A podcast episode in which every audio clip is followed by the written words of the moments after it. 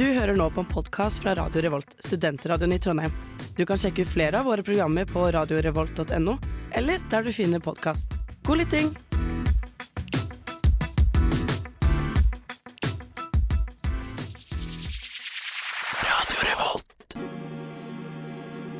Velkommen til en ny episode av Nerdeprat, spillmagasinet på Radio Revolt.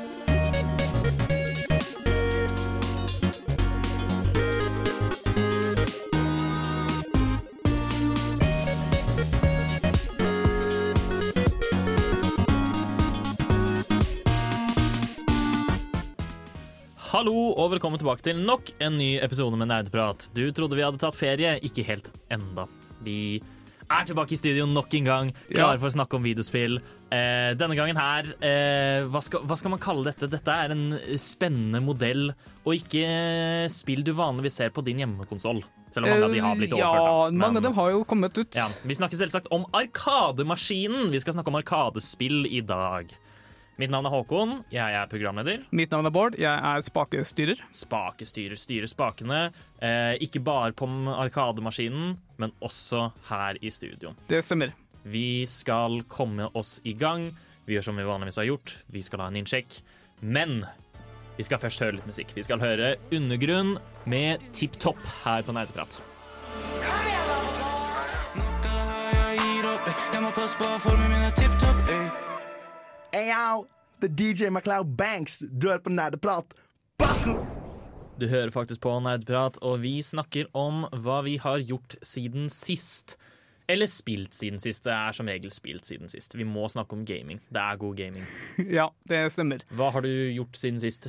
Jeg har vel nesten utelukkende spilt eh, Lost Ark. Det, I større grad enn det jeg har gjort tidligere, vil jeg Oi. si. Ja Eh. Jeg liker fortsatt veldig godt uh, hammerfyren min, som uh, har en gedigen hammer som bare hva skal jeg si, uh, bryter seg fram med og slår ting ned i støvlene med. Det er noe ekstremt tilfredsstillende med uh, kunsten av the bonk. Ja, riktig.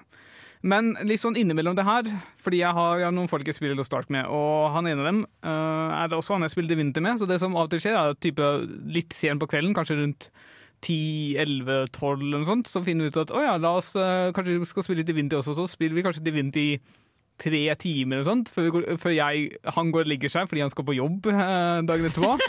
Eh, han bor da i England sånn en time eh, før etter oss, så det er, liksom, det er ikke så lite søvn for han, selv om han sover desidert mindre. Og jeg går tilbake til Lost Ark. Men uh, uansett, Divinity uh, spiller litt i natt. Det var uh, utrolig kult, fordi vi gjorde et oppdrag han hadde gått glipp av da han spilte gjennom det, og som gjorde Oi, at eh, At han, han faktisk var på din pace også. ja, eller han visste ikke helt hva som kom eh, til å skje, så vi gikk inn i et rom, og begynte, så plutselig dukket det opp en fyr opp og begynte å angripe oss. Og Og vi ble litt sånn overrumplet, fordi vi spiller på en relativt vanskelig uh, vanskelighetsgrad. Han mente at det var nødvendig, fordi hvis ikke så ville man bare utskalere innholdet veldig fort. Så vi Jeg tror vi døde to eller tre ganger. Altså, to eller tre karakterer døde, eller én eller flere karakterer døde to til tre ganger. Jeg husker ikke helt om flere døde Om én døde flere ganger, eller hvordan det var. Ja. Men det gikk til slutt. Ja. Og det er, det er litt sånn gøy fordi du vet altså det, En av de gode tingene med Divinity er at du vet aldri når en ting skjer. Du bare går inn i et rom for, å lete, for å bare oppdage, og så plutselig så er det noen som kommer til deg og sier og med, Så kan det hende at du uansett blir angrepet, eller så blir det kanskje angrepet fordi du gjorde noe tidligere, eller fordi du ikke gjorde noe tidligere. Oh, ja, sånt er kult. At det Ja. liksom følger med på hva, de valgene du faktisk har gjort. Ja, Uh, Blant annet så er det type krukker med sjeler som har litt sånn eh, noe å si på spillet. Hvor, du, eksempel, hvor noen fiender er udødelige og uh, kan ikke drepes ordentlig fordi sjelene deres er i krukker, og så må du da finne ut ok, hvordan kan jeg da hvor er disse krukkene, og hva gjør jeg for å faktisk få dem til å dø ordentlig. Mm. Skjønner. Så spennende. Eh, I tillegg har jeg sånn kjapt uh, spilte jeg også Risk of Rain 2 i natt, Yeah. og jeg uh, har begynt å bli enda mer sikker på at spillet har designproblemer. Det, hva tenker du på da? Uh, at det er så utrolig utilgivelig. Eh, som er greit liksom fordi du kan bare starte på nytt. oh, ja, sånn, ja. ja. Men det er litt kjipt når for eksempel du spiller med venner, og så er det én person som dør, og da går de glipp av eh, oppgraderinger som gjør at de faller enda lenger bak, og så dør de igjen, og så blir det liksom én eller flere personer som hater denne her og vil starte på nytt, men så er det to stykker som egentlig klarer seg ganske fint. De fint trives vil jævlig godt fordi, Ja. de har, fordi de har fått alle itemsa. Ja, de har også tatt oppgraderinger du skulle få. Ja. Så jeg vet ikke helt hvordan man skal kunne fikse det, men det er litt sånn det, det gikk fint da fordi vi døde ca. samtidig, men jeg be- begynte bare å bli inntil bare at det her er litt sånn unødvendig. Ja, um, det er vel kanskje heller da et problem med co-open til Risk of Rain Ja. spesifikt. Um, og det er også litt som du sier at det, uh, det er et litt vanskelig problem å løse, ser jeg for meg. Eller jeg vet ikke hvordan man skulle gjort det i så fall. Man kunne kanskje latt uh, man plukke opp uh, gjenstandene som på slutten, altså før man ble teleportert videre. Ja, Eller bare at man fikk dem ja når noen plukket dem. helt på slutten, liksom. Og da får du eventuelt ikke pengene du kanskje døde eh, du, du får ikke pengene til fiendene som har dødd etter du har dødd. Nei, men det, det, kanskje- det, det er et mindre problem. Problem, altså, problemet er jo at på slutten av banen så får du en ganske kraftig gjenstand ofte, som vil Ja. ha mer å si enn det du plukker opp underveis. Og da blir det liksom bare den som lever, som får dem. Det, Ja. Og det er helt sant. Det blir veldig miserabelt for den ene personen da, som eh, nå sitter og bare venter på at Resten skal begynne å ikke skalere så bra, og dø Ja. de også. Fordi du, du kommer til å dø uunngåelig Ja. altfor mange ganger. Ja, jeg, jeg skjønner, jeg skjønner dine, din lidelse. Dine, dine mm, frustrasjoner. Vi skal nå høre fra en mann som er veldig langt unna hva han syns om programmet Nerdeprat på Radio Revolt. Nerdeprat er veldig gøy! De snakker om nerdeting og dataspill! Sånt liker jeg! Tusen hjertelig takk til mannen som står veldig langt unna. Det stemmer, du kan høre om nerdeting og dataspill på Nerdeprat, og det gjør vi jo nå. Vi snakker i hvert fall om videospill og da vi, hva vi har spilt siden sist. Bård tok først, nå er det min tur. Jeg har ikke spilt så mye siden sist. OK. Eh, men eh, en ting jeg kan si, er at jeg ble inspirert av vår forrige sending, hvor vi snakket om Doom og Doom-likes. Så det jeg gjorde, var at jeg spilte gjennom hele Doom 1 og halve Doom 2. Men ikke Doom 64. Ikke Doom 64. Nei. men det er eh, Men jeg har ikke noe forhold til det ennå, vet du. Nei, eller, så klart. eh, eller jeg har, ikke, jeg har ikke like godt forhold til det som jeg har med Doom og Doom 2. Men betyr ikke det at det er viktigere å spille Doom 64 for å opparbeide det forholdet med det? Det er kanskje det, men, eh, men jeg har trivdes med det, de originale, i Ja. hvert fall. Hvordan var det? Det, det er fortsatt veldig veldig bra. Eh, men det, sånn, det jeg egentlig har lyst til å fremheve, er at jeg la veldig merke til forskjellene mellom spillene når jeg Mhm. spilte de på nytt. Og det er at der, um, Altså Forskjellen mellom 1 og 2, eller ja, forskjellen mellom gamle og mellom nye? én og 2. Okay. Jeg, jeg tror jeg kommer fram til at Doom 2 er favoritten min. Mm. Men jeg tror jeg syns at det første Doom har uten tvil det beste level-designet. Det, det, fordi de, de, de går for veldig to forskjellige vibes. Og det, er hvor det første Doom har liksom ja, ekstremt klaustrofobiske områder. Et, generelt et smalt nivå hvor du kan fullføre nesten alle nivåene på sånn ja, to til fem minutter. Ja. Hvis du er kjapp og vet hvor du skal. Eh, mens Doom 2 så er det generelt mye større nivåer. Ikke like mye fram og tilbake sånn som det er i Doom. Eh, I bytte så er det mer action-packed, hvor det er gjerne litt større områder hvor du kan strafe rundt.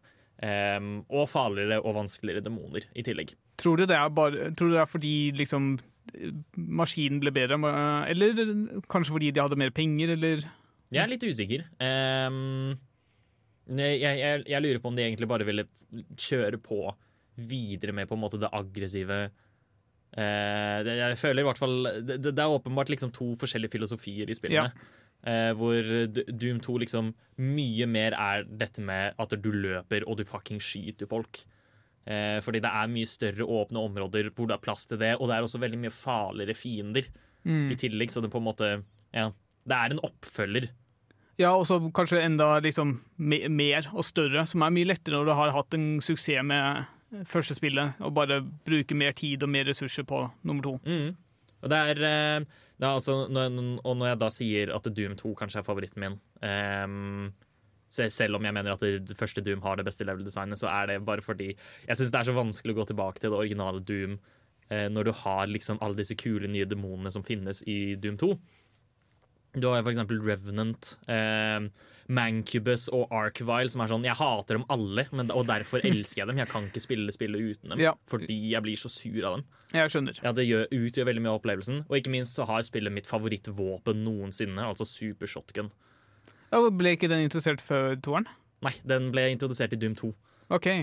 Hvor eh, ja, det eneste våpenet i Doom som må reloade, men de bytter blast til alt. Ja, altså For de uinnvidde, inkludert meg som har glemt det helt, hva, hva er spesielt med Super Shotgun? Den, eh, altså den, den, eh, det er en double barrel shotgun, rett og slett.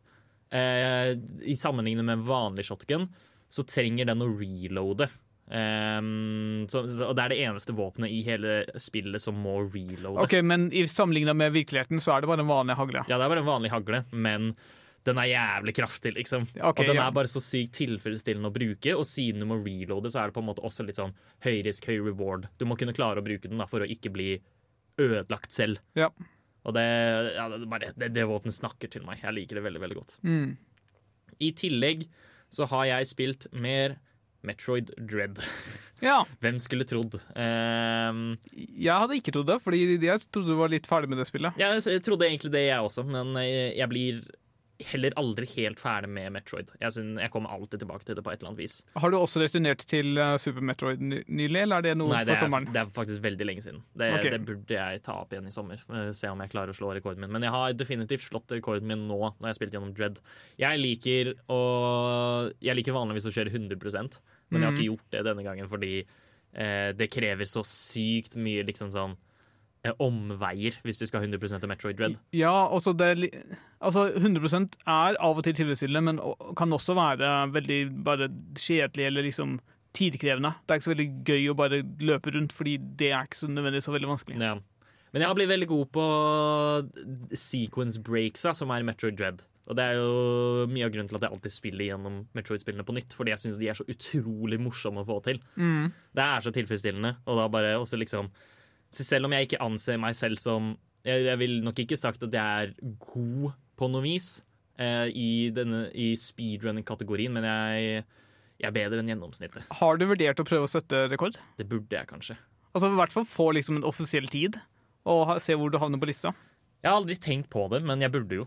Jeg burde jo faktisk, fordi det, det, Eller det hadde i hvert fall vært gøy, bare for å se faktisk hvor rask jeg er. Fordi in game-timen oversettes ikke til hvor mye tid du faktisk Ja. bruker. Nerdenytt.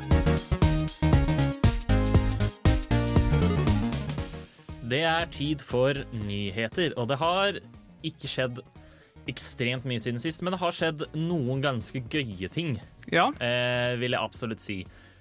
Åpenbare første som hele internett snakker om akkurat nå, eller i hvert fall hele Twitter. Eh, de har kommet med en ny trailer til Pokémon Scarlet og Pokémon Violet. Som, eh, helt ærlig, en utrolig bra trailer. Jeg er jo positivt overrasket over hvor liksom, god showcase det var. Ja. Det, eller de, de hinter i hvert fall til veldig mange kule ting da, som eh, jeg håper for guds skyld blir bra. Mm. Eh, vi kan starte med de største tinga som folk snakket om. Eh, først så er det denne grise-pokémonen som ser ut til å være Ratata-klonen av regionen, Okay. eh, som heter Lechonk. Eh, kjempegøy. Veldig, veldig morsomt navn, ja. Ja, ehm, og den er veldig veldig søt, og den har tatt uh, internett med storm, vil jeg si. Det er også sånn litt morbid, fordi jeg fant jo ut at det, du vet sånn derre eh, tegneseriegris som du ser liksom på sånn fat som er helt stekt, Mm. og som gjerne har sånn eple i munnen. Ja, Eh, spanske ordet for det er tydeligvis lechon. OK. Ehm, og Men det er jo ikke første gang de bruker l- språk for å gi Pokémon-navn. Nei, nei, men eh, det, det, Og regionen er satt i Spania, eller inspirert av Spania, typ. Men det, det, det, det maler et litt morbid bilde av lechonk. Jo, for så vidt. Det kan jeg se meg enig i. Ja. Neste er um, de legendariske Pokémonene av regionen, som de også har vist. Um, hvor det ser ut som at de går for et eh, tradisjon versus eh, modernisering. OK. Hvor den ene siden har på en måte mer sånn huleboerestetikk og har eh, en sånn en faktisk eh, slags lizard-aktig ting. Mens den andre har mer sånn futuristisk eh, opplegg, hvor eh, den legendariske Pokémon der da er type en eh, teknodrage, og som har jetmotorer som ben. Ja, så klart har en teknodrage jetmotorer som ben. Eh, De er veldig kule, men de er også veldig rare, fordi det ser ut som at de har et hjul på seg, og det ser ut som at de kan bli til motorsykler. Men kanskje de kan bli til motorsykler? Det er fullt mulig, men jeg syns det er rart, og det liker jeg ikke tanken av. Fordi du har jo fra tidligere Pokémon-spill Surf, for eksempel, som lar en Pokémon liksom ri på vannet. Så det at en Pokémon kan ri på veien, er ikke så utenkelig. Det er ikke helt utenkelig, nei. Men det kan man jo uansett. Men da Men nei, vet du hva, jeg, jeg liker ikke den tanken. Er det fortsatt eh, liksom trådsykler i Pokémon-spillene? Ja. Kanskje det er liksom en oppgradering til trådsykkelen. Når du endelig får den legendariske Pokémon, så har du nå motorsykkel Ja. i form av Pokémon. Ja. Nei, til, eh, til ettertanke, men jeg håper ikke det skjer, for det syns jeg er cursed. OK. Men, eh, og den siste tingen som internett nå har klikka over, er professorene av regionen. Fordi det er, en, det er to unike professorer til hver, hvert spill. Så Scarlett får denne huleboerdama, og Violet for denne Doctor Dr. Strange-type Chad-aktig fyren. Ok, Når du sier professor, så mener du de som først møter deg på Ja, de som spillet? gir deg Pokémon. Mm. Og det er det, Folk har klikka over dem spesifikt fordi de er så latterlig sexy. De, de er helt sykt De er jazzifia, liksom. Okay. De er kjem, jeg skjønner ikke hva de, gjorde, hva de valgte å gå for når Eller de, de, de gikk helt overboard, da, hva er det jeg prøver å si. Hvorfor gjør de dette i Pokémon-spill som liksom så lenge har hatt professor Oak og liksom ganske hva skal jeg si, stereotypiske forskermenn, tror jeg, Ja. ofte. Og nå plutselig så gjør de det he- helomvending og skal ha dette her i et spill som handler om Pokémon og ikke egentlig om mennesker overhodet. Ja. Nei, det er et godt spørsmål. Men, eh, men det, det, det fremstiller jo en eh, problemstilling, da. Valgets kvaler. Som er at hvis du velger Scarlett, så får du jo huleboer waifu. Men hvis du velger Violet, så får du teknodrage. Ja, I hvilken grad er de egentlig waifu? Ganske, ganske høy grad, vil jeg Ok. sagt. Ja. Jeg, det er så lenge siden Pokémon eh, har eksistert i mitt Mm. verdensbilde at jeg husker ikke. Men um, før vi går til låt, så er det også en annen viktig aspekt som absolutt ingen snakker om, og jeg klarer ikke å fatte det. De impliserer veldig sterkt at du kan kunne spille co-op opp til fire personer mens du løper rundt i overworlden og fanger Pokémon. At du kan spille sammen med andre. Hvordan impliserer du det? De, de sier det direkte. Å, teknologi har kommet så langt. Du kan eh, fange Pokémon med eh, så mange venner. Og så viser de liksom et klipp av at man løper sammen. Teknologien har virkelig kommet så langt i 2022. Ja, men fortsatt eh, altså, Det er i min mening en game changer hvis de får til dette bra. Ja. De, de kan jo faktisk gjøre Pokémon enda mer friskt igjen videre, hvis de fortsetter å bygge på modellen eh, Legends Arceus satt. Ja. Nei, jeg er faktisk optimistisk for en gangs skyld eh, over det nye Pokémon-spillet. Eh, veldig kult. Å, helvete! Jeg må forte meg! Det er en ny episode av Nerdeprat! Det kan jeg ikke gå glipp av!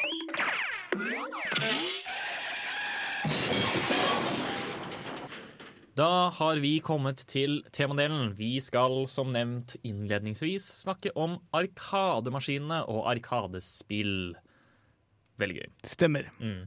Hva, altså, jeg holdt på å si hva er det for noe, men uh, de fleste har vel sikkert sett én i en eller annen form.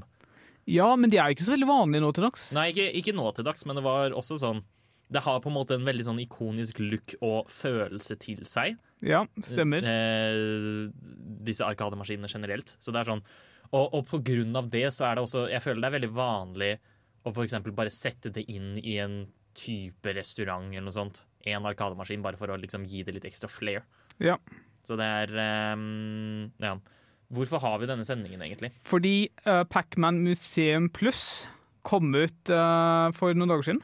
Pacman Museum Pluss. Og i tillegg Arcade Spirits, The New Challengers. Så da jeg så gjennom eh, kalenderen på hva som kommer, så bare å ja, to Arkadespill-relaterte nyheter. Eller Ja. lanseringer.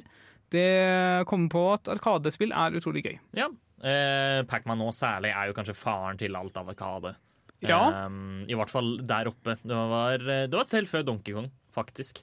Um, så, så, det er ganske viktig, og det er derfor vi følte for å ha dette nå. Da. Så um, mm. Eh, jeg, ifølge Wikipedia så var det faktisk Pong som startet det hele. Pong som startet Arkademaskinen. Ja. Det gir jo for øvrig mening, men jeg hadde trodd at det var Jeg, jeg, jeg Sånn. trodde Pong starta liksom på TV-skjermen, egentlig. på TV-skjermen. Ja, fordi Pong Ja. var vel første systemet som ble solgt til en TV, liksom. Ja, det trodde jeg òg, men man tar jo feil.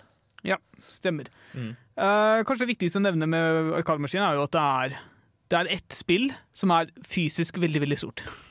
Og det er ja, fysisk, ja. Ja, fordi det er uh, og, Men også digitalt. Eh, Mest, men, men, eh, men, men særlig fysisk. Den maskinen er nok antagelig større enn deg. ja. Jeg, eh, jeg, jeg så på King of Kong eh, i løpet av siste uken, fordi det er en utrolig bra dokumentar om eh, deler av arkadekulturen. Og der ble en arkademaskin gjerne frykta, flyttet på type lasteplan eller tillinger og sånt, fordi den er så Ja. stor. Det er ekstremt. Men til gjengjeld så er de også utrolig visuelt tilfredsstillende å se på. De er, har masse kul grafikk på seg. De går gjerne ut for å designe arkademaskinene slik at det på en måte kan føles ut som det du tenker det skal føles ut. Ja. I hvert fall sånn, ja, Hvis du eksempel har uh, Wild West eller noe sånt, uh, type arkade, som så kan man liksom farge det med liksom sånn Ville Vesten, crazy gunslinging uh, på selve boksen, som gir det på en måte ekstra sjarm. Og da kan du også og, og som også kanskje hjelper eh, brukeren med å leve seg litt mer inn i illusjonen. Og så spiller de spill, og så er det sånn Ja, det er ikke helt det jeg så for meg, men eh, det var nok det da. Da var det jo det nok helt banebrytende. Men jeg tror også det er bare fordi det er Det blir jo et møbel fort, fordi det er så utrolig stort. Ja. Eh, så det må liksom være visuelt pent å se på. Hvem kjøper Altså Hadde den vært gråmalt, så hadde ingen kjøpt den, fordi det hadde sett helt for jævlig ut. Ja. Og det er liksom noe med liksom Du skal kunne se det bare som bare Å, yes, det er det Donkey Kong, det spillet jeg har, er her for å spille. Ja, nettopp. Ja, det er faktisk et veldig godt poeng. Fordi de, de Altså, nå har vi jo nevnt at de stikkes rundt om liksom kring som et møbel, kanskje ofte, f.eks. i en restaurant eller noe slikt. Men før så var jo dette vanligst i sånne svære arkadehaller. Ja. Som vi skal gå mer inn på senere, men da er jo det gjerne en smart distinksjon. Sånn at du umiddelbart kan kjenne igjen hvor den er. Stemmer. Men eh, sendingen i dag da, går rett og slett ut på at vi skal eh, snakke om de forskjellige eh, arkadespillene. Gjerne hva som kjennetegner dem, hva som kanskje ut, utgjør arkademodellen. Eh, deretter skal vi snakke om eh, mer sånn ja, det, poengsum, high score, liksom denne eh, søken etter å bli best i et arkadespill. Ja. Eh, litt forskjellige typer arkadespill og den generelle estetikken eh, til og, og vibben eh, det gir. Og det er det vi skal i hovedsak snakke om i dag. Ikke minst så skal vi også, eh, som du nevnte, King of Kong. Vi må jo snakke om Donkey Kong Ja. og Billy Mitchell. Stemmer. Ja, det er veldig gøy. Ohayo! Minisan, konnichiwa! Du hører på Nerdeprat, nja-nja? På Radio Revolt, desu ne. Uvu! Vi har snakket om arkademaskinene og litt hvordan de er generelt og fungerer. Men hvordan er spillene egentlig? Spillene er jo som regel De er designet for å kunne spilles veldig lang tid. Altså, jeg tror Eller jeg tror de er liksom lagd for at du skal komme tilbake og tilbake og prøve på nytt og på nytt. Ja. Det, mm, du, du, du oppsummerer det egentlig ganske godt der, om vi går tilbake til denne eh, om, om vi ser på arkademaskinene som en pengemodell, som en måte å tjene penger på. Det, fordi det er jo det. Du leier eller kjøper en arkademaskin og har en kostnad for å spille, og håper at den kostnaden bringer inn den, det du betalte for den. Ja, Dette var jo generelt en uh, designfilosofi egentlig for spill generelt på den tida. Ja. Sånn som også på eh, NES, da det var helt latterlig vanskelig spill. Helt absurd vanskelig spill for at det skulle virke lenger. Det var for å kompensere for at spillet bare var 30 minutter langt. Ja, og så kunne du ikke lagre. Ja.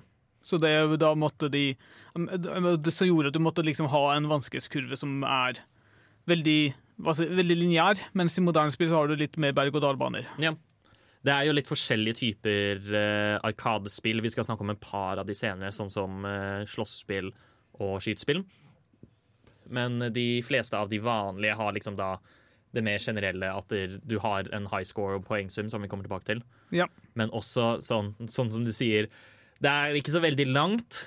Men det er også helt latterlig vanskelig, og hver, hvert eneste forsøk Eller kanskje sånn, hvis du betaler en mynt, og så får du kanskje tre liv på å gjøre noe, og så vil du bli grusa.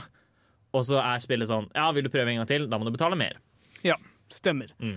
Altså, forhåpentligvis så blir du bedre med tiden, men øh, om ikke annet så bare står du fast. Men det, det viktigste er å ha det gøy. Ja. Det, skal, det skal ikke være for straffende. Eh, Det skal virke som at tilfeldighet er det som dreper deg, men det er jo egentlig ikke så mye tilfeldighet. Ja, det er, eh, det er utrolig interessant å se på f.eks. Pac-Man der, hvor eh, i hvert fall i de tidligere nivåene så er Jeg er ganske sikker på at spøkelsene er programmert til at de på et eller annet bestemt tidspunkt så skal de ta deg. Ja. Um, som gjør at de kan somle noe jævlig rundt um, helt til du kommer deg til et visst punkt, og så bare er alle sammen i sånn full angrepsmodus, og så blir du drept fordi du har spilt for lenge. Mm. Og da er spillet sånn Ja, du må betale mer. Hvis du har lyst til å spille mer, så må du betale mer. Ja. Og det, så, så det er jo egentlig ganske sleipt, men på en annen side så går det jo også Det, det, det er ikke derfor for, for folk eh, spiller ikke Arkademaskinene fordi det er sånn Å, dette her tapper hele formuen min. De spiller jo det fordi det er gøy og sjarmerende. Ja, nemlig. Eh, eller fordi for eksempel eh, med Pong, som jeg håper du kunne spille mot hverandre, det er jeg litt usikker på. Det, Så er det det- hadde jo vært absurd hvis man ikke kunne Kanskje man måtte spille mot datamaskin, men uansett, det er jo hva skal jeg si, ikke nødvendigvis spillere, men det være mer forsvarlig for å sende ungene til en arkadehall med én mynt eller fem mynter og spille pong mot hverandre, enn å gå til innkjøp av en, et pongsystem til å ha hjemme. Ja, Fordi det, det pongsystemet kommer til å ha en enorm kostnad initielt og veldig lite vedlikehold, mens mynter på en arkademaskin er veldig lett å budsjettføre, da. Mm. Og det er i hvert fall sånn ja, på den tida, da, når man også ikke visste hva videospill var, holdt jeg på å si. Nemlig. Ja. Så var det da alltid mer tryggere å bare sende de videre til Arkadehallen. Ja, de eller være med dem til arkadehallen fordi de kanskje var for unge til å dra dit alene. Mm. Og da er det jo Ja, så det er, eh, det er en interessant eh, designfilosofi eh, å, å gjøre det på den måten, men det gir også mening fra et økonomisk standpunkt. Ja, uten tvil. Mm. Det, det er også eh, noe som ofte kjennetegner disse spillene, og er at de er generelt ganske simple i controls. Ja. Eh, Du blir gitt en kontroller i form av som regel bare en stikk og kanskje to knapper. Ja, og så er spillmekanikken er også ganske simpel. Altså, det er kanskje mye ting som kan drepe, eller forskjellige ting som kan drepe deg, men Mm. det er liksom veldig få feilscenarioer. Du, Ja. du dør av noe, som regel. Ja, og, det, og, og jeg syns også at de fleste av arkadespillene er veldig gode på å kommunisere nettopp hva du skal gjøre. Det er liksom sånn, Du ser på Pac-Man, og så skjønner du umiddelbart å ja. Fordi altså, karakterene beveger seg framover, og så skjønner du å jeg burde kanskje samle disse. Ja. Eller Space Invaders, som er liksom romvesener som angriper ovenfra, og så har du Mm. mulighet til å skyte dem. Så det er eh, ikke bare liksom hvordan spillene fungerer og hvordan de spiller, men også hvordan de er designet i hva målet ditt er, Mm. er generelt ganske intuitive og passer veldig godt til formatet av at du bare går til denne maskinen, spiller litt, og så dør du, og så kan du f.eks. gå til en annen maskin, eller spille litt mer. Ja. Så da Ja. At det, generelt er ganske lett tilgjengelig, i hvert fall når du hopper rett i det. Mm. I tillegg så har jo ofte spillene mangel på lagringsplass, så det er liksom, de må sikkert gjenbruke deler av elementene for altså, bane og sånne ting. Men så har jeg eksempel hørt rykte om at uh, Donkey Kong kan Der har du en, uh, altså, en skjerm på slutten av spillet, og den eksisterer da fordi det var ikke plass til mer innhold. De gikk tom for lagringsplass. Så også det er litt sånn interessant. Å ja. Ikke sant? Ja. Det var også henta fra King of Kong-dokumentaren. Vi, vi, kommer til å høre med, vi kommer til å høre masse om den gjennom ja, Stemmer. sendingen, er jeg ganske sikker på. Da skal vi gå videre. Vi har eh, hintet litt om dette med poengsum og high score. Hva er det egentlig? Det får du høre etter vi har hørt La Neve med Rough Music.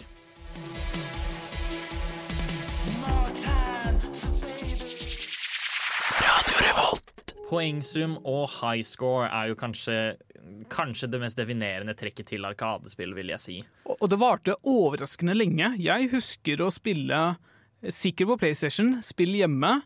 Og når du var ferdig med bane eller ferdig med eh, kanskje var gitar, eller noen sånne ting, så kom det opp en sånn dialog bare Hva er initialene dine? Du må sette deg på Ja. eh, poengsumlista. Og jeg bare Hvorfor? Det er, det er, det er jeg som Det er spiller jeg jeg og mine spiller. venner. uh, hvorfor, kan, hvorfor trenger du å vite dette her? Det har fått en overføring liksom videre også, hvor, det, du, hvor du ser eksempel I hack and slash er jo det for veldig vanlig med sånn Ja. high score og på, uh, poengsystem. Mm. Um, det er ikke på samme måte som det er i um, Arkadespill i det hele tatt, men Eller ikke, jeg skal ikke si i det hele tatt. Det er eh, Mye av det følger på en måte samme prinsippet. At gjør du det bra, så får du høyere poeng. Ja. Men eh, det lever på en måte fortsatt i dag. Men det startet her, da, og det er kanskje det som er det mest definerende trekket. Ja, fordi altså, hvordan kan du bevise at du har gjort, vært flink i et videospill? Du kan filme deg, eksempel, mens du spiller det, og passe på at du ikke jukser. Du kan øh, Eller du kan sende, altså, få lagret poengsummen i en, liksom, si, en offisiell maskin, som ja. da blir anerkjent. Da står navnet ditt der for alltid, eller helt fram til noen slår deg, da, er det vel. Ja. Fordi de fleste av arkadespillmaskinene viste vel da topp tre. Eller topp Eh, fem, eller noe sånt. Topp tre til topp fem eh, stykk. Og hvis du da var god nok til å havne på den, så sto jo navnet ditt der helt til noen slo deg. Eller til noen bumpa deg ned fra topp fem. Ja. Og da hadde du jo en ny grunn til å bruke mer penger på spillet for å komme på toppen igjen. Ja. Så det er liksom en veldig genial måte å liksom spill, holde spill levende på, da. Ja. Ved å alltid konkurrere om høyeste plassen i en poengsum. En veldig smart modell, men også, ja, som du sier, eh, holde spillet levende. Men også eh, utrolig gøy, fordi det skaper liksom sånn urbane legender eh, i arkadehallene. Og liksom sånn det, Hvis du bare har en med initialene, og så har de sånn latterlig mange flere poeng enn alle andre fordi de er så sykt gode, Ja. så blir det sånn Å, vi må slå den. Det er, bare, det er, det er en liten sjarm til det. Definitivt. Men disse spillene, da. Um, fordi det er også en annen, annen kjennetegn til uh, arkadespillene generelt, og det er gjerne at de, mange av de fortsetter til det uendelige. Og det eneste som avgjør liksom progresjonen din, er hvor høy high score du har fått. Ja. Mange av de går liksom videre til nivåer og sånt, men hvis du tar eksempel Dig Dug, um, som er du, du graver deg rundt, og så skyter du liksom Så finner du sånne dyr, og så skyter du en sånn eh, Jeg vet ikke hva man skal kalle det, men du Eh, du, du blåser dem opp da som ballonger, og så sprekker okay. de. Ja. Og så bare graver du rundt, og så fortsetter du med det til uendeligheten. Bare, og så ser du hvor høy score du kan få. Mm. Det samme er det jo Pacman. Der er det sånn Der blir du ferdig med et nivå så fort du har spist alle pelletsa. Og så går du videre til et nytt nivå, og så bare fortsetter det helt til du dør. Ja. Så det er sånn Så, så, så, så målet med selve spillet er å se hvor høy high score du klarer å få, med mindre det er liksom ja, Donkey Kong, hvor du faktisk har typ et endemål, men fortsetter der òg. Gjør det ikke? Uh, jo, d- eller Ja. Donkey Kong har en uh, sluttskjerm hvor det står liksom 'game over'. Ja. Uh, fordi igjen, det var ikke plass til mer, så vidt jeg har skjønt. Ja. Men en annen, altså grunn, måten man får en høy poengsum på, er jo ved å gjøre Det er forskjellig fra spill til spill. Eh, I Donkey Kong for eksempel, så står det at du kan ødelegge tønner for å få poengsum. I Space Invaders er det sikkert å drepe fiender, og så får du sikkert en eh, poengsum for å fullføre nivået raskt. Jeg vet ikke helt. Hvis ikke kan du bare bli på første nivået ja. uendelig. Det er, det er som regel alltid noe slikt. Um, andre spill kan også ha det for eksempel på hva slags fiender du beseirer. Om du husker Mario Bros, Ja. som, uh, hvor du liksom må hoppe under fienden for å knocke dem opp. Stemmer. Og så sparker du dem. Ja, jeg, jeg husker å ha spilt uh, Super Mario Bros. 1, Ja, og nå som du nevner det, så husker jeg Å ja, det kom jo opp tall når jeg drepte de fiendene. ja. Og jeg skjønte ikke helt hvorfor de tallene eksisterte, Mm. fordi det har ingenting å si for fremgangen min. Nei. Men nå innser jeg jo at det er fra Arkadespillets uh, tid, hvor uh, du kunne spille på Arkademaskin og få da en høy poengsum. ja. Det er Arkadespill fra jeg tror det var 1983, um, som da hvor, hvor, hvor du beseirer fiendene dine ved å hoppe liksom på en sånn slags myk gulv under dem. For å knocke dem opp, og så Ja. skal du hoppe og sparke dem. Em, det er der også powerblokken er fra. Men der er det jo sånn for eksempel hvis du slår en spiny, så er den gjerne verdt eh, litt mindre poeng enn hvis du eksempel slår en krabbe, som krever litt mer å mm, drepe. Ja. Eller så kan du plukke mynter for eh, å også få poeng. Ja. Så det, er, det, det, det spillet legger til veldig mange forskjellige måter du skal øke highscoren din på og få en god poengsum. Men det er jo i utgangspunktet deg som spiller og din skill som kommer til å avgjøre hvor heftig høy poengsum du kommer til å få. Ja. Men eh, altså, ikke bare liksom tekniske ferdigheter der og da, men også planlegging. Mange Mm. av spillene krever en enorm form for og det å se mønstre. Fordi ofte, igjen fordi uh, lagringsplassen er såpass liten, så bruker fiendene mønstre som de følger, som man kan til en viss grad forutse, hvis man klarer å ja, ja, gjenkjenne dem. Mm. Som uh, blant annet Steve Weeby var veldig flink til i Donkey Kong. Ja, masse, masse små uh, Du får glede deg til å høre om det. Ja. Uh, faktisk veldig, veldig spennende. Her, hvor er det du går hen? Festen er ikke over ennå, du hører jo fortsatt på nerdeprat!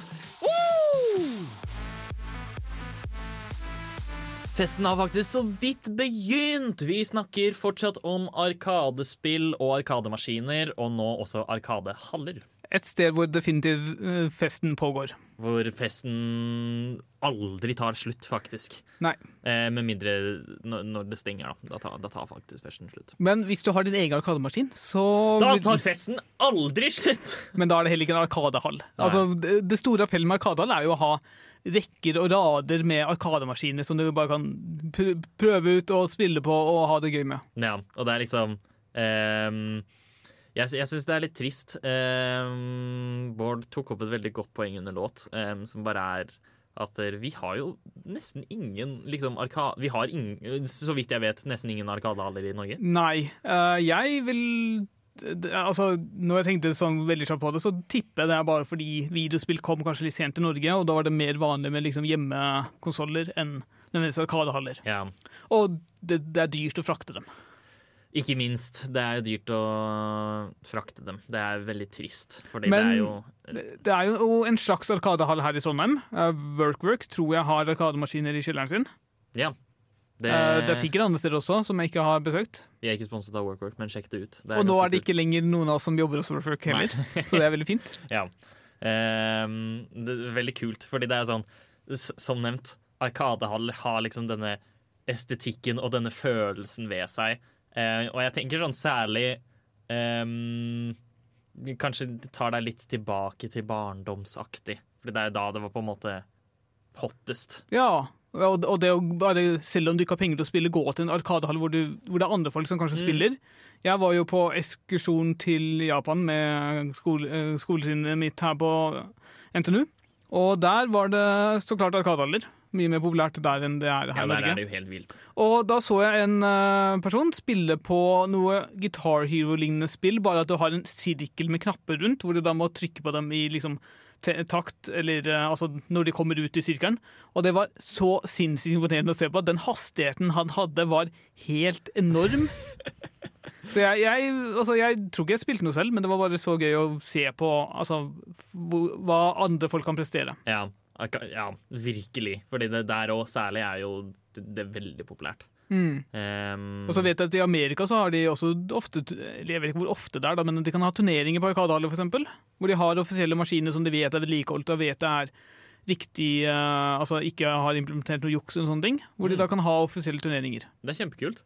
Ja. Det er også sånn interessant å tenke på, fordi før så var det på en måte definitivt en Det er en retroestetikk til Arkademaskinen, da. Men, Definitivt. Um, men det lages jo fortsatt arkademaskiner til den dag i dag. Det, det må jo det. Noen må jo vedlikeholde disse maskinene. Ja, men det at det fortsatt er så vilt populært liksom, Du kan dra til et sted, og så finner du fortsatt en arkadehall. Ikke bare med gamle spill, men også nyere.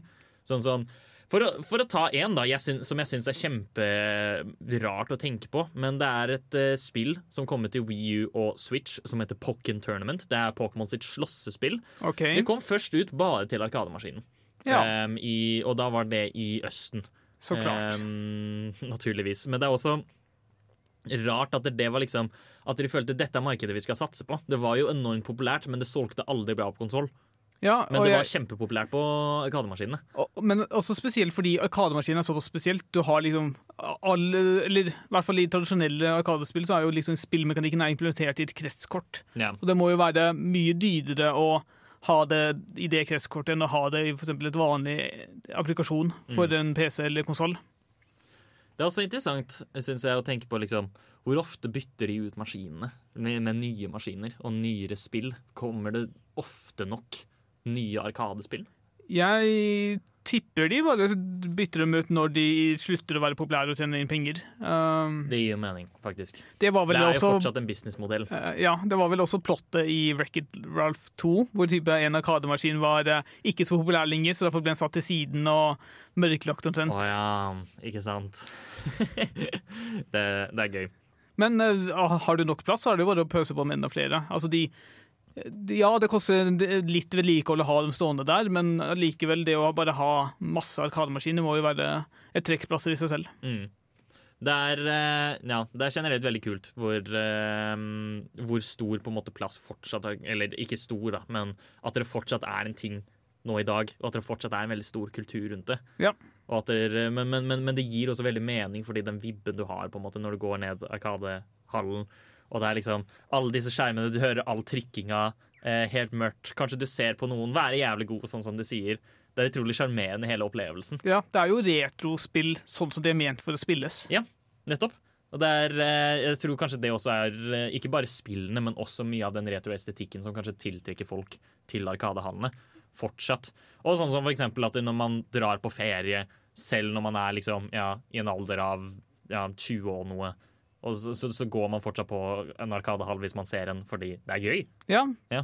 det er utrolig gøy. Ikke nødvendigvis fordi man er, um, Ikke nødvendigvis fordi man spiller så sykt mye arkadespill, eller noe sånt, men bare fordi ah, det er morsomt. Ja. Festlig å se. Det, nei, ja, jeg liker det. Hva er det du liker best ved studentradioen? Jeg hører alltid på studentradioen. Vi har gått videre. Vi skal snakke om uh, en av de Det er en halvveis stor kontrovers innenfor videospillverdenen, vil jeg si. Og i Ja. hvert fall innenfor rekordsetting og konkurrering innenfor videospill. Mm. Eh, vi snakker selvsagt om Donkey Kong og da Billy Mitchell og alt dette. Steve Weeby. Ja. Ehm, først, vi kan ta veldig veldig kjapt. Ehm, Donkey Kong. For de ulærde der ute, det er helt vilt hvis dere ikke har hørt om dette spillet, faktisk. Ehm, er eh, et arkadespill hvor du, Jumpman, senere kjent som Mario, må redde eh, dama di Pauline, ikke Peach, men må redde dama di Pauline fra Donkey Kong som har gått berserk. Ja, og Donkey Kong kaster da tønner eller springfjærer etter deg. Ja. Og du kan av og til plukke opp en hammer for å ødelegge disse her. Og det får du blant annet poengsum av. Ja. Ehm, og, og da vil jo da målet være å komme deg opp til toppen av uh, der hvor Donkey Kong er, og så er det da fire nivåer, er jeg ganske sikker på. Nei, mange flere. Det er det, ja? Jeg er ganske sikker på at det er mange flere. Ah, ja. Jeg har hørt type minst 18. Ja, ikke sant. Men uh, jeg er ganske sikker på at det er i hvert fall fire nivåer hvor du bekjemper Det, fjerde nivået så tror jeg du bekjemper Donkey Kong, og så fortsetter det sikkert etter det. Det kan hende, ja. Ja. Men eh, poenget er at der, siden det er et begrenset antall uh, nivåer, så må det også være litt taktisk hvis du skal ha, ha en høy poengsum Ja. i spillet. Og der kommer også i hvert fall noe av eh, konkurreringen innenfor eh, hvem som har verdensrekorden i Donkey Kong. Jepp. Fordi det er faktisk ikke så mange eller på, Da dokumentaren ble, om dette ble laget, så var det ikke så mange som hadde sett slutten av spillet. Nei. Det var type fire mennesker i hele verden. Mm. Kan du fortelle kort om King of Kong? Ja, King of Kong. eh, det starter med Det er jo liksom fortellingen om eh, et slags kappløp da, mellom Billy Mitchell og Steve Weeby. Billy Mitchell eh, satte rekorden i Donkey Kong veldig tidlig. 80-tallet type da, cirka da spillet kom ut. Og hadde holdt den lenge. Og så var det Steve Weeby som eh, jeg tror han ble arbeidsleder en sånn i en periode, og da fant han ut at det her kan jeg slå. Jeg skal sette, lære meg Donkey Kong.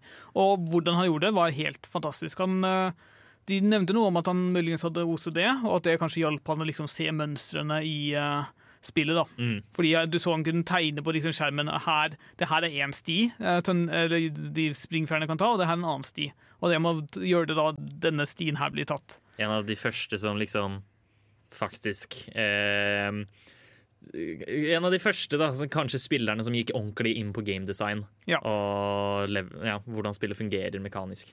Eh, han satte til slutt en rekord, uh, filmet den. Han putta videokamera sånn over skulderen sin. Uh, men den ble ikke godkjent. Fordi i etterkant så kom de for å se på maskinen hans, og da var kretskortet var sendt inn av en, eh, si, en, slags erkefiende til eh, Billy Mitchell. Og derfor, og så mente de det var bitte litt eh, liksom ukorrekt med den, eller noe sånt. Så de anerkjente ikke eh, det som originalt utstyr. Eh, Fordi, eh, For å klargjøre her, da, så for Det, det er spesifikke eh, arkader som er arkademaskiner som er liksom Den er designet for at denne skal du konkurrere på, Ja. og da må du ha samme type programvare og lignende eh, for at rekorden din skal være gyldig. Og siden han ikke hadde det, så var ikke rekorden hans gyldig. Eller han hadde det nok fordi de har etterkant beklaget, men det var litt kontroversielt at han hadde fått tilsendt det av en person, og det så litt merkelig ut. Ja. Type en, eh, hva skal jeg si, en lodding som var, eh, som var litt ujevn eller sånt. Ja. Dette for å unngå juks, da. Ja. Eh, Så da han fikk beskjed om dette, så dro Steve Weeby til liksom en, eh, arkadehall for å liksom prøve å konkurrere direkte. Og satte en ny rekord der. Eh, ba også Steve, nei, Billy Mitchell om en liksom, konkurranse, men Mm. Billy Mitchell møtte ikke opp. Han var uten stads, holdt på å si. Men Billy Mitchell sendte istedenfor inn en videotape. Så etter Steve Wiebe satte en ny rekord på nærmere en million, så, satt, så sendte inn Billy Mitchell en video av at han skårte over en million. Ja. Eh, denne videoen var litt kontroversiell. Eh, den eh, hadde litt sånn hopp mellom poengsum og sånne ting, men allikevel så ble den godtatt fordi Billy Mitchell var en person i hva skal jeg si, organisasjonen som liksom dømmer poengsum og sånne ting. Det, og det er helt vilt. Ja, det er faktisk helt vilt. Så vidt, jeg, jeg tror også det var um, litt òg at han hadde brukt en emulator, hadde han ikke? Det er det um, som han har kommet fram i ettertid. Ja. Eh, uansett, det her eh, Så da hadde Billy Mitchell uh, rekorden. Og så i etterkant så prøvde Steve Weeby å komme tilbake og sette en ny rekord, og da ble han liksom ordentlig anerkjent. Da fikk han beklagelse for den første uh, måten han ble håndtert, da, med liksom det kretskortet som var litt uggent. Ja. Men helt sjukt, fordi så vidt jeg har skjønt, så har Billy Mitchell holdt den verdensrekorden dritlenge. Ja, det var først i sånn 20 Altså først fra sånn 80-tallet til tidlig 2000-tallet, Mm. hvor Steve Weeby kom og tok den fra han. Men også fra disse hendelsene her og fram til Som skjedde 2005, kanskje. Fram til 2018, hvor det var noen på liksom det offisielle Donkey Kong-forumet som bare sa at det her er mistenkelig. Og da åpnet Twin Galaxies en eh, etterforskning, som er liksom organet som eh, anerkjenner Ja. rekorder og sånne ting, og fant ut at eh, det var tydelig tegn på Eller det visuelle så identisk er ikke reprodusert bare på original eh, maskinvare, Ja. men ser identisk ut med hvordan man starter det i en emulator. Det er helt sjukt at dette har gått forbi så lenge, liksom. Ja. Og, i hvert fall sånn. og når, han er på en måte med på å avgjøre det, om den på en måte skal bli godkjent eller ikke det, Og hvordan han bare unngikk Steve Weeby liksom alle ganger hvor det Steve Weeby dro til Arkadehall for å konkurrere og sette ny rekord, så ba han Billy Mitchell om en konkurranse, eller en eh, sånn, men det, det ble avvist hver eneste gang. De, Ja. så, han turte ikke å møte det omtrent. Eh, Han, han eh, inkriminerer seg selv veldig, da. Han si. ser ikke bra ut i denne dokumentaren overhodet. Uh, I tillegg, bare sånn kjapt, Guinness har i etterkant gjeninnført rekorden, verdensrekorden til Billy Mitchell, men Twin Galaxies har fortsatt han bannlyst. Det, Veldig merkelig situasjon. det Nei, herregud. Jeg vet ikke hva man skal si engang. Det, er en- det er en utrolig spennende dokumentar. Den Det burde sjekkes ut. Um, Du, du kan finne på YouTube, kanskje ikke originalen, men uh, god nok. Mm. Men også veldig gøy å tenke på at dette her skjedde på Arkademaskinen. Liksom. At Ja. det, er så intens konkurranse allerede da, og så mange folk som juksa allerede da. Martin, gutten min, du må komme deg middag! Å, mamma! Jeg kan ikke sette på pause nå! Jeg er midt i en heftig episode av Nerdeprat! Midt i en heftig episode av Nerdeprat er det vi snakker om Arkadespill. Nå skal vi kanskje snakke om eh, en av de litt mindre spennende, men som virkelig har stood the test of time, kan man vel si. Og som er veldig uh, hva skal jeg si, et prakteksemplar på Arkadens uh, liksom, estetikk og ja, hele sin ja. identitet. Definitivt. Vi snakker selvsagt om pinball, som eh, du kan nesten kalle um, et, det, det er jo ikke et virtuelt spill i det hele tatt. Um, Nei, Det er jo veldig mekanisk og elektronisk. Det Mm. er, eh, For de som ikke vet, du skyter og går en ball, og så har du to flippere som du da bruker for å holde ballen i spill på et grått brett med masse hull hvor du Eller masse, ikke nødvendigvis hull, men type ting du kan treffe for å få poeng. Mm. Det er jo um, De fleste vil nok spille pinball og bare slå flipperne når ballen kommer, men det er jo en viss taktikk til det. Så liksom når du skal trykke knappen sånn at flippen kommer. Om det er på enden for å liksom fyke den i forskjellige retninger og sånt. Fordi på pinballbrettet da så er det gjerne flere ting du kan treffe for å få en høyere score. Ja, Som eksempel en liten sånn bumper som gir deg en liten score. Kanskje du kan få ballen opp i et hull som gir deg en svær bonus, eller noe sånt. Eller du kan åpne liksom Det er kanskje litt mer vanlig i de heldigitale implementasjonene nå i nyere tid, men Mm. det er liksom det er, Du kan treffe ting eller få ballen et visst sted som åpner en annen del av uh, spillebrettet, som også er utrolig interessant og veldig på den tiden vi være innovativt. Ja, det er innovativt. Um, og i, ikke minst det at det, det, det her er virkelig en av de, om man skal kalle det ja, arkadespill, som har overlevd og finnes nesten overalt. Ja. Det er helt vilt. Men det er jo fordi det er også ekstremt enkelt og simpelt, eh, og de fleste kan liksom spille pinball og ja, få det til. Og så ikke bare det, men du, du har et basiskonsept som er pinball, men du, også kan du liksom hva skal si, fargelegge det på den måten du vil. Du, det finnes så mange forskjellige implementasjoner av pinball. Ja. Jeg har spilt et Simpsons pinball. Det, det gir mening, men eh, enda sjukere er liksom sånn Fordi der kan du virkelig ta hva du vil, fordi hva pinball er, har ikke så mye å si. Eller, eller hva temaet til pinball er, har ikke så mye å si. Du spiller fortsatt bare pinball. Ja. Du kan eventuelt dekorere banen din og ha tematiske ting der, men de fleste vil nok bare liksom ta et tema, kaste det på pinballmaskinen, og så spiller du bare pinball. Men det er denne her. Sånn som eksempel Simpsons. Jeg har også sett eh, en pinball som har Sopranos som tema. Ja, Det er sånn, og det er jo det noe man ikke tenker passer til pinball i det hele tatt, men det har ikke noe å si. det, det blir jo egentlig bare samoverbrekt. Altså folk som er veld, enten folk som er veldig interessert i pinball, men kanskje mer sannsynlig folk som er veldig interessert i Sopranos, som bare Å ja, det finnes et Sopranos pinballsett, Ja. det må jeg ha. Da, da, da vil jeg ha den. Ja. Det er kjempegøy. Men det var sånn eh, fordi det her vil jeg da snakke om, og det er at jeg syns jo at pinball egentlig er litt kjedelig. Det, det er et utrolig frustrerende spill å spille, fordi du må være veldig god for å forhindre at ballen noensinne kommer utenom de flippene du kan kontrollere. Ja, Kanskje du er uheldig, og så eh, kommer den liksom perfekt i midten Ja. mellom flipperne dine. Så da kan du ikke gjøre noen ting. Har mista ditt. Men også det at der, ehm, det er veldig lite Liksom om du ser på andre Alt annet Arkadehallene og arkademaskinene tilbyr deg. Liksom At du kan løpe rundt og du kan slåss og du kan skyte og du kan banke opp eh, aper med hammer eller hva enn det er. Um, så har du denne hvor du av og til trykker på knapper for å få ballen til å Ja. fyke opp. Det, det, er Det er ikke like engasjerende. Nei, det er ikke veldig innbydende. Det er type Ja, du sier det veldig bra. Det har veldig hva skal jeg si, visuelt sterke videospillemaskiner, og så har du pinball som bare er et brett med noen armer på. Det er, og det er derfor jeg også syns det er så sykt morsomt at det er spesifikt pinball som har liksom virkelig overlevd. da. Hvor det liksom, jeg føler, ja Du kan se arkademaskiner rundt omkring, men det er mye større sannsynlighet for at du ser et pinballmaskin et Ja. eller annet sted. Slett, men det er sikkert også fordi de er mye enklere å lage.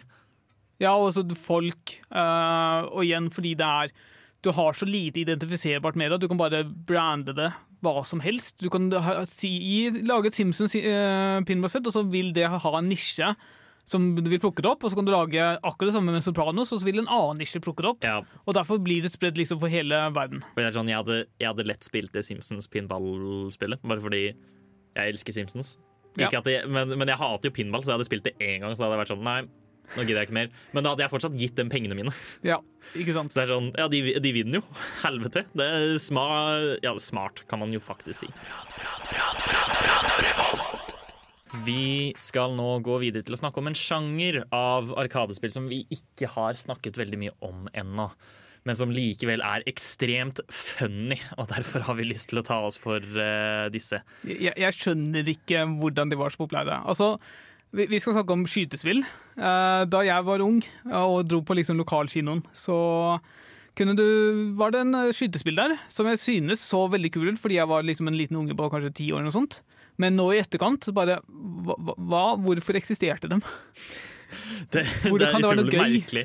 Det er sånn um, Jeg er ganske sikker på at der, Jeg er usikker på om det var de lot seg inspirere av Duck Hunt, eller om Duck Hunt lot seg, lot seg inspirere av dem. Men uh, Arkadeskytespillene da prøver å på en måte kjøre litt sånn uh, vri på videospill ved at kontrolleren er en pistol. Ja. Og du peker mot skjermen for å kunne skyte. Stemmer. Um, så, så derav er det ikke så veldig komplisert, og som, banene blir som regel styrt. Um, liksom at du går videre, og så må du bare skyte alt som er på skjermen. Ja, altså du som hovedperson, eller dere, fordi det jeg så, hadde i hvert fall støtte for to spillere. Dere er på skinner, nærmest. Det er liksom en korridor eh, eller lignende. Eh, Det er kanskje ikke korridor, men i hvert fall dere er på skinner. Spillet beveger seg uh, fram automatisk, og det er opp til deg å skyte mest sannsynlig innenfor et visst tidsrom. Så det blir jo veldig fort bare memorisere i hvilken rekkefølge fiender dukker opp hvor, og håpe at du klarer å reagere raskt nok. Ja, og her er det også viktig å huske at dette var gammel teknologi. Ehm, du ser liksom sånn derre ah, Wien ble ansett som revolusjonerende fordi det var motion controls og trådløs eh, peketing og alt det der. Ehm, eller det ble kanskje ikke ansett som revolusjonerende, men det var en stor selgeting til den. Ja. Um, så du kan tenke deg liksom at når det var et slags framskritt, så må det ha vært elendig før, og det var det. Ja, ja, ja definitivt. Det er sånn, du, hvis, hvis du sikter på skjermen, så er det sånn Du du kan kanskje sikte på den tingen, men det er ikke alltid at det nødvendigvis registrerer som det skal. Og så ender du opp med at det blir utrolig frustrerende, fordi du klarer ikke å skyte ned fienden som står foran deg. Nei. Men det er likevel utrolig mange eh, ikoniske spill som har kommet fra dette. Sånn som Vi har snakket om House of the Dead før. Ja. Um, som også er sykt morsomt. Det er liksom, og det er kanskje det, da, det er, det er veldig mange av sånne FMV-spill Um, som da er skytespill. Rett og slett fordi du må på skinner og du bare skal skyte ting. Mhm. Um, og det er vel kanskje, ja, som nevnt, House of the Dead det mest ikoniske, hvor du, du bare går nedover og så skyter du zombier. Ja. Det er vel ikke noe verre enn det. Jeg Nei. tror også disse blir ansett som de beste uh, arkadeskytespillene. Jeg mistenker at det var nøyaktig det jeg også så Mm. det på min lokale kino. Mm. Og da er det sånn veldig mange forskjellige typer eh, skytespill som ingen av de egentlig fungerer veldig, veldig bra. Nei. Ehm, hvor, eh, og, og- jeg ser også sånn som liksom her, nå, nå er jeg på en liste hvor det blant annet har eh, Terminator 2 Judgment Day som en egen sånn skytespill. Wow. Eh, og da gir det jo mening at du liksom sikter på og skyter de faktiske skuespillerne og slemmingene i filmen. Mm. Da er jo det kanskje en ting man har lyst til å gå og gjøre, i hvert fall når man, at, når man er liten kid og syns at skyting og våpen er det kuleste i verden. Ja. Men altså, det, ikke bare det, men også at de hadde annerledes kontroller. Det var liksom ikke bare en spak og knapper, du hadde faktisk en Hva skal jeg si, du kunne pe... Det, Ja. det, det føltes litt mer interaktivt. Ja, det og føles mye kulere ut. Ja. Men eh, det betyr ikke at det er noe bedre. Nei. og disse spillene, altså av, så, Sånn som nevnt House of the Dead, fortsatt veldig ikonisk. Jeg tror også det fikk en re-release for litt siden, faktisk. Hmm. Um, som er definitivt verdt å merke seg, at det er såpass ikonisk at det blir gjenlansert nå i år. Men det betyr ikke at jeg er usikker. Jeg har aldri spilt det på en arkanemaskin selv. Men jeg har spilt andre skytespill på arkanemaskin, og jeg vet at de kontrollene er ræv. Ja. Um, så jeg antar at det ikke var veldig bra da heller, selv i House of the Dead.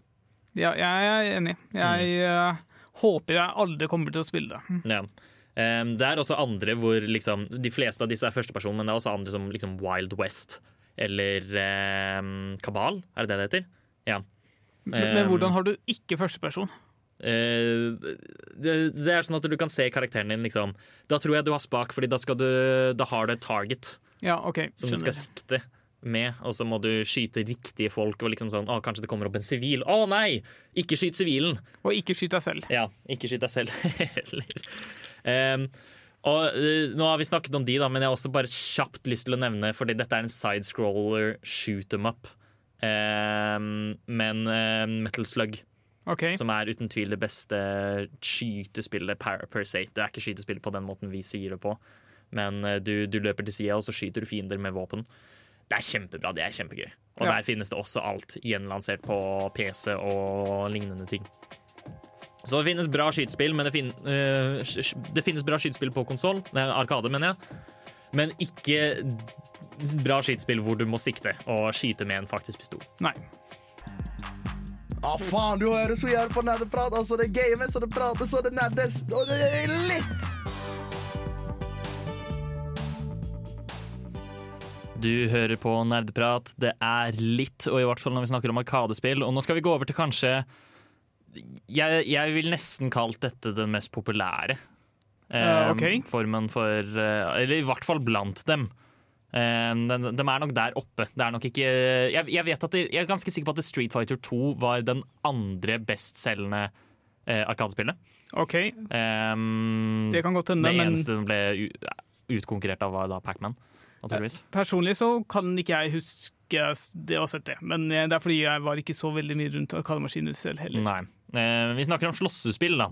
Eh, og det, særlig liksom da slåssespill var en ny ting, så, så fantes de på arkademaskinene først. før de kom til konsollen. Alt fantes jo på arkademaskinene først. Jo da, men, men, eh, men liksom, her fant de opp en helt egen sjanger som nå har blitt en av de største spillsjangerne som finnes. Mhm. Ehm, bare liksom på en arkade. Fordi ja, det var gøy. Ja. Og det er eh, Og særlig slåssespill syns jeg passer fantastisk bra inn i Arkadehallen. Rett og slett fordi du, du, du går rundt, og så, og så finner du deg Eller kanskje du kommer med en kompis, da, og så skal dere slåss. Dere skal duke deg out, dere skal endelig avgjøre hvem som er best. Eh, Istedenfor eh, å være sånn Ja, du meg utenfor eh, flaggstanga klokka tre. Eh, når de skal slåss, så slåss de heller på arkademaskin, og så er det en ikke-voldelig løsning. ikke sant? Men er det ikke litt for få knapper på en arkademaskin til å gjøre det virkelig bra? Eller er det nok, Håkon? Ja, men fordi Det er nettopp det. Det er jo viktig å huske på at disse var prototypene av eh, slåssespill. Jeg vil si Mhm. at der, eh, slåssespillene nådde sin peak eh, for hva det kunne bli ved Street Fighter Third Strike, som jeg tror kom ut til PlayStation før det kom ut til Arkade. Eller så jeg er litt usikker. Eller det kom sikkert ut i Arkade først. Fordi ofte Men- har jo arkademaskiner og de eh, berettene folk spiller uh, slåssespill med nå, er jo kanskje en spak, og Arkademaskinen hadde gjerne to knapper. De Ja. berettene har kanskje fire knapper. Slåsse, nå eh, startet som regel med eh, to knapper. I hvert fall Mm. når jeg har spilt Mortal Kombat. Så var det Jeg tror det var én knapp for eh, slag og én knapp for spark. Og så for å få andre alternativer så måtte du gjøre inputs med stikken. som ja, vi nå kjenner til som liksom input commands. Kunne du kombinere slåss og spark samtidig? Eh, Eller kunne du få noe annet ved å trykke begge knappene samtidig? Mm, nei, jeg tror ikke det.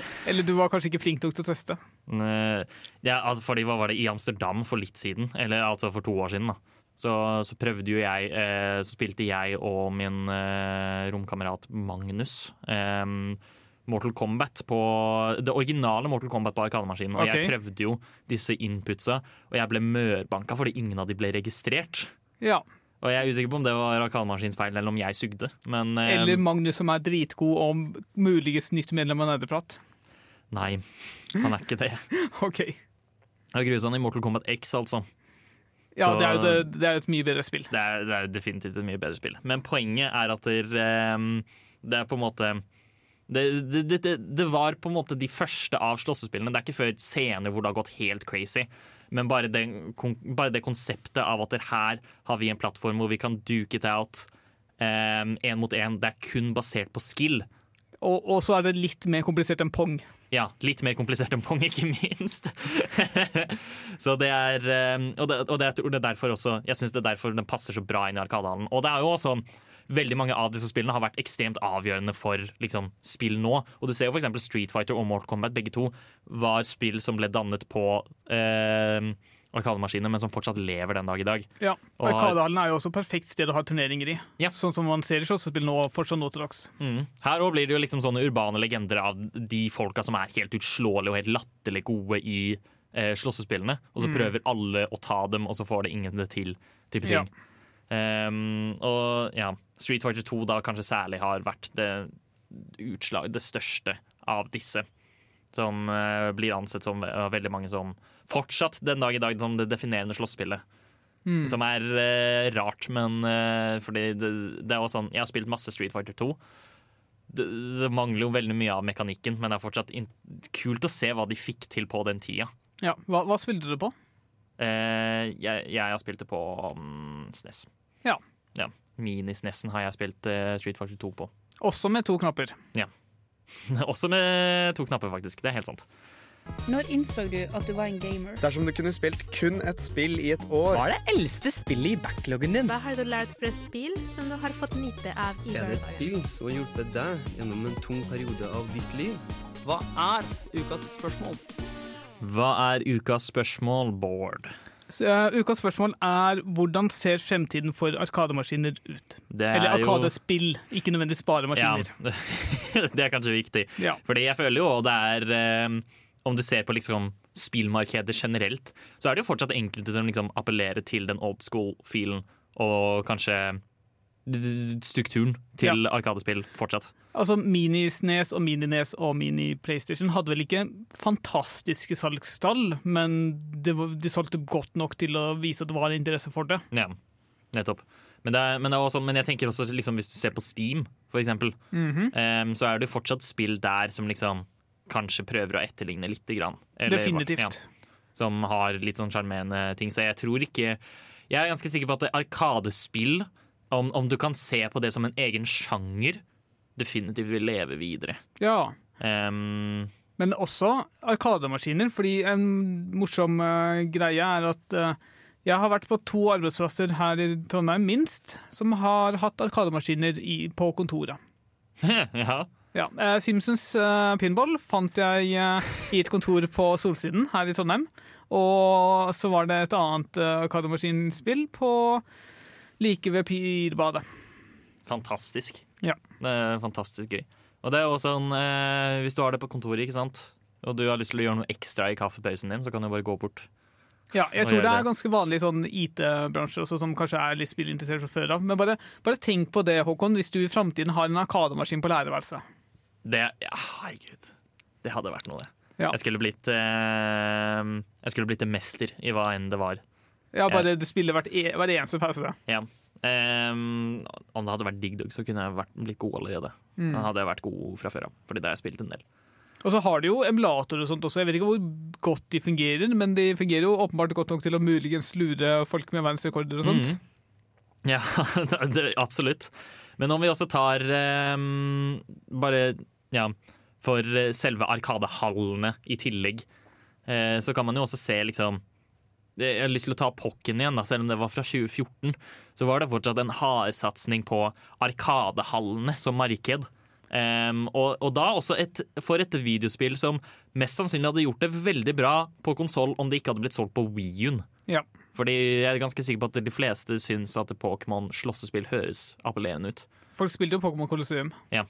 Ehm, og jeg vet det er en del som spilte Pokken Tournament også, men um, det bare tok aldri av. Men det er fortsatt interessant at de valgte å gå for Arkadefronten først, selv nå til dags. Ja.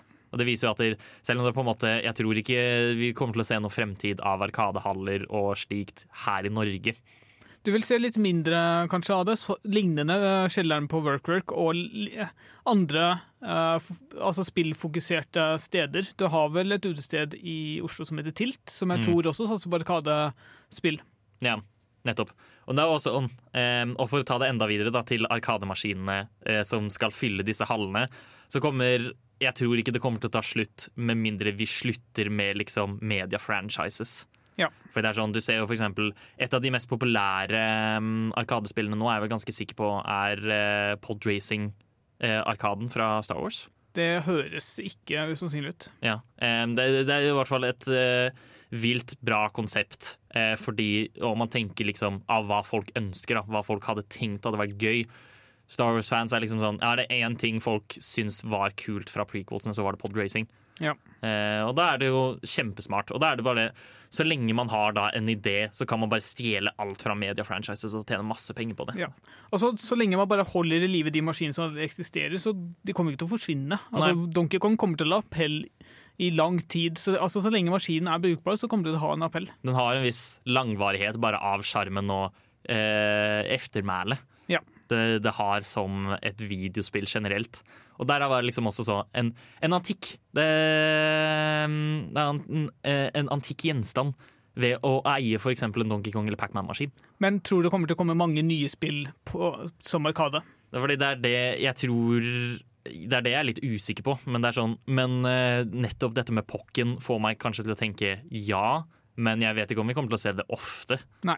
At vi får helt nye spill og imponerende store spill som eh, Ja, på, i Arkadehallene. Men det går helt fint for min del.